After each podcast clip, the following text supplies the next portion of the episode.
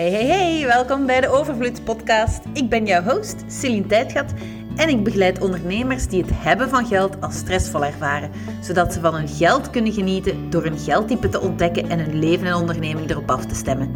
In deze podcast ga je mij vaak over die types horen spreken, als ook over overvloed, geld, ondernemen en alles wat daar in de verste verte mee te maken heeft. Welkom op de trailer van de Overvloed Podcast. Geld is een heel beladen thema en wordt amper besproken, terwijl dat je als ondernemer net heel vaak met geld bezig bent. En in mijn ervaring als onderneming, nu iets meer dan vier jaar ondertussen, merk ik verschillende problemen op rond geld. Te lage prijzen zetten, niet durven investeren, te weinig winst, gebrek aan kennis rond BTW en belastingen, um, een angst om tekort te komen waardoor dat er eigenlijk niet gekeken wordt wat dat er wel al is. En als je kijkt naar onze maatschappij en hoe de gesprekken verlopen in je omgeving, is dat eigenlijk niet verwonderlijk. Ik heb eigenlijk zelden iemand horen zeggen dat ze een nieuw inkomensniveau hebben bereikt met een bedrijf en daarom een luxe vakantie geboekt hebben om het te vieren. Maar wat dat, dat is beschouwd als opscheppen en ja, dat doe je gewoon niet. Dus wat er wel regelmatig gedeeld wordt, dat is dan hoeveel alles kost. Van, oh, het leven is toch duur, hè? En als je daarover meepraat, dan word je geaccepteerd. Er zijn ook veel gezegden rond geld. Geld groeit niet aan de bomen of op mijn rug. Geld maakt niet gelukkig. Stinkend rijk worden, dat is zuur verdiend geld. Eerlijke gesprekken over geld zijn dus echt wel moeilijk en daar wil ik dan iets aan doen. In de podcast ga ik het vaak over geld hebben en ik nodig jou uit om lid te worden van mijn gratis Facebookgroep Ondernemen in Overvloed. Daar bevinden zich andere ondernemers uh, die ook in een veilige, omge veilige omgeving eerlijk over geld willen praten. Je kan daar ook gerust je mening geven over deze podcast of je vragen en bewerkingen doorgeven. Nu, in deze trailer-episode wil ik het even hebben over twee belangrijke topics die vaak zullen terugkomen in de podcast, namelijk overvloed en de Sacred Money Archetypes. Ik ga beginnen met overvloed, want dat is tenslotte de naam van deze podcast, hè? de Overvloedspodcast. Ik ben even gaan opzoeken wat dat de betekenis is daarvan in de vandalen. En er zijn twee betekenissen. Grotere hoeveelheid dan nodig of een zeer grote hoeveelheid. Als je de eerste definitie voor ogen hebt, dan heb je waarschijnlijk al wat weerstand tegen de titel van de podcast. Want als je overvloed hebt, heb je dus meer dan nodig. En ja, waarom zou, je, waarom zou dat iets goed zijn? Nu, de tweede definitie, zeer grote hoeveelheid, dat klinkt al iets beter, maar voelt nog altijd niet echt positief. Hè? Ik ben het trouwens ook niet eens met die definities. Overvloed kun je ook ervaren als je net heel weinig hebt. Iemand vroeg mij onlangs hoe dat zat met minimalisme. Ze was enorm aan het ontspullen gegaan en dat voelde zo goed. En ze vroeg zich af hoe dat, dat wel paste binnen een goede overvloedsmindset. En voor mij is dat net helemaal de basis van een overvloedsmindset. Um, om je enkel te omringen met personen en spullen die jou een rijk gevoel geven. Als ik ergens niet gelukkig van word in huis, dan doe ik het weg. Nu, als het kan, doe ik dan naar de kringwinkel of naar vrienden, maar anders gaat het de vuilbak in. Ik geloof sterk dat alles energie is en als ik mij omring met spullen die mij niet gelukkig maken, ja, dan heb ik een energielek. En je zou misschien kunnen denken dat dat slecht is door het milieu, maar net door zo te denken ga ik ook zorgen dat ik minder uitgeef. Want bij elke aankoop ga ik nu denken: geeft dit mij een overvloedig gevoel, een rijk gevoel? En stel dat ik al het geld in de wereld zou hebben, zou ik het dan nog kopen? En vaak merk ik eigenlijk dat het antwoord nee is, terwijl ik eigenlijk wel heel veel zin heb om iets te kopen, om wat voor een reden dan ook. Maar dat ik dan, als ik die twee vragen stel, dan zo van, ah nee, eigenlijk toch niet. Dus sinds ik in overvloed denk, koop ik minder, um, omdat het een koopje is of omdat ik later misschien nog nodig ga hebben. Want er is altijd overvloed. Dus als ik de item later nog eens nodig zou hebben, dan kan ik het ofwel gaan halen in de winkel. En als het er niet is, goh, dan is dat wel voor een reden en dan zal er wel iets beter zijn. Nu, ik wil een voorbeeld geven van um, ons. In ons dorp is er elk jaar een Molkesfeest. Dat is in Herent, eh, op vijf kilometer van Leuven ongeveer, voor wie wilt weten waar dat ik zit. En dat is eigenlijk een hele familiegebeurtenis op de Molkesberg. Er zijn allemaal openluchtfilms en de laatste avond ehm, is er een familiefilm die getoond wordt en kunnen we allemaal kamperen op de berg. Nu, als je s'avonds naar een um, openluchtfilm kijkt, is een lichtstoel wel aangenaam en die zijn er niet zo heel veel. Nu, mijn dochter wou de vorige keer zeker zijn van een lichtstoel als de film begon. Dus had ze eigenlijk rond de middag al een lichtstoel gepakt en in de tent verstopt. Want ze zou nog heel veel spelen in de namiddag. En ze was mij trots komen zeggen... Mama, mama, ik heb een lichtstoel in de tent uh, gelegd. Hè.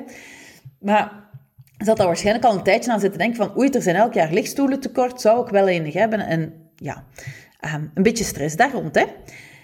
Um, toen dat de film begon, nam zij dan haar stoel en was ze blij dat ze een lichtstoel had.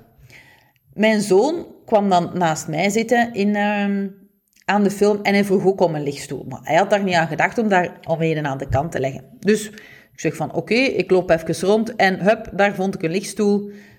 En ik kom die brengen. Nee mama, ik heb die toch niet nodig. Ja, je kent dat hè, zo van die kinderen. Ze durven nogal eens van gedacht veranderen. Tja, oké dan, dan ja, zijn vriendje die naast hem zat wilde die lichtstoel wel, dus voilà, dan was die content. Maar tien minuten later stond mijn zoon daar, stond mijn zoon daar alweer. Oh mama, ik ben moe. Mag ik bij jou zitten? Ja, natuurlijk, ik wist wel dat dat ging gebeuren. Tuurlijk mocht hem bij mij liggen. Ehm, dus ja, ik zat op een gewone stoel. Dus dacht van, ja, ik ga dan toch wel eventjes een lichtstoel gaan zoeken. En een beetje later kwam ik af met de lichtstoel. Ik had alweer een gevonden. Um, en daar zie je eigenlijk het verschil dat mijn dochter stress had of dat ze wel die lichtstoel zou vinden.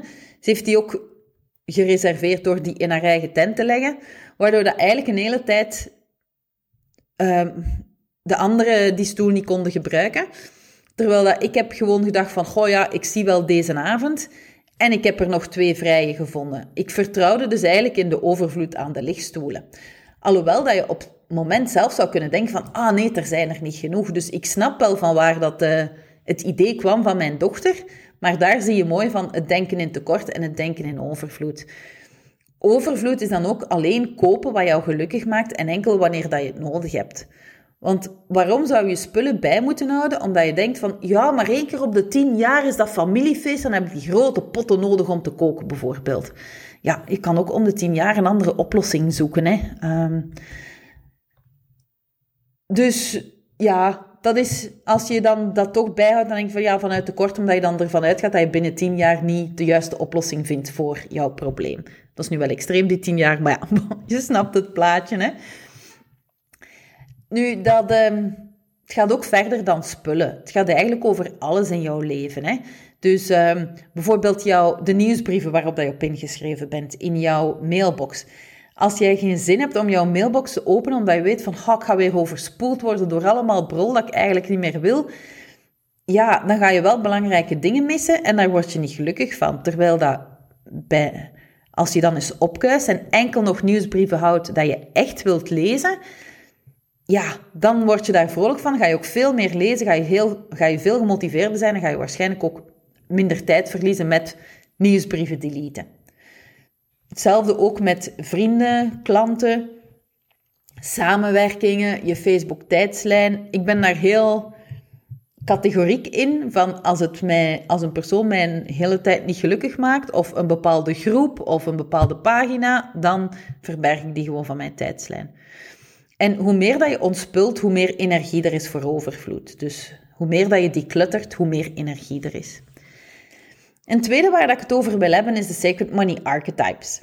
In mijn zoektocht naar hoe, dat mijn relatie, hoe dat ik mijn relatie met geld kon verbeteren, ben ik op die archetypes gevallen. Dat is een persoonlijkheidstest gebaseerd op hoe dat je omgaat met geld. Um, dat is ontwikkeld door Kendall Summerhawk. En haar mantra is: How you do one thing is how you do everything. Dus hoe je één iets doet, is hoe je alles doet. Dus hoe je geld doet, is hoe je alles doet. Dus die archetypes gaan veel verder dan enkel geld. Uh, er zijn er acht. En elk heeft zijn eigen unieke set kenmerken in omgang met geld eigenlijk. Dus bijvoorbeeld de verzamelaar. Die spaart gemakkelijk, maar heeft angst om tekort te komen en gaat niet makkelijk investeren. Of heel veel piekeren daar rond. De verbinder daarentegen gelooft dat er altijd meer gaat zijn, maar doet dan struisvogelpolitiek wat betreft alles wat dat met geld te maken heeft. De romanticus, die gelooft ook in overvloed, is een echte levensgenieter. Dat ben ik trouwens. Die zorgt er natuurlijk, die zorgt ook, excuseer, dat zorgt er wel voor dat die soms wel te veel geld uitgeeft om te genieten. En ook de beroemdheid geeft vaak geld uit, maar dan eerder voor status en imago.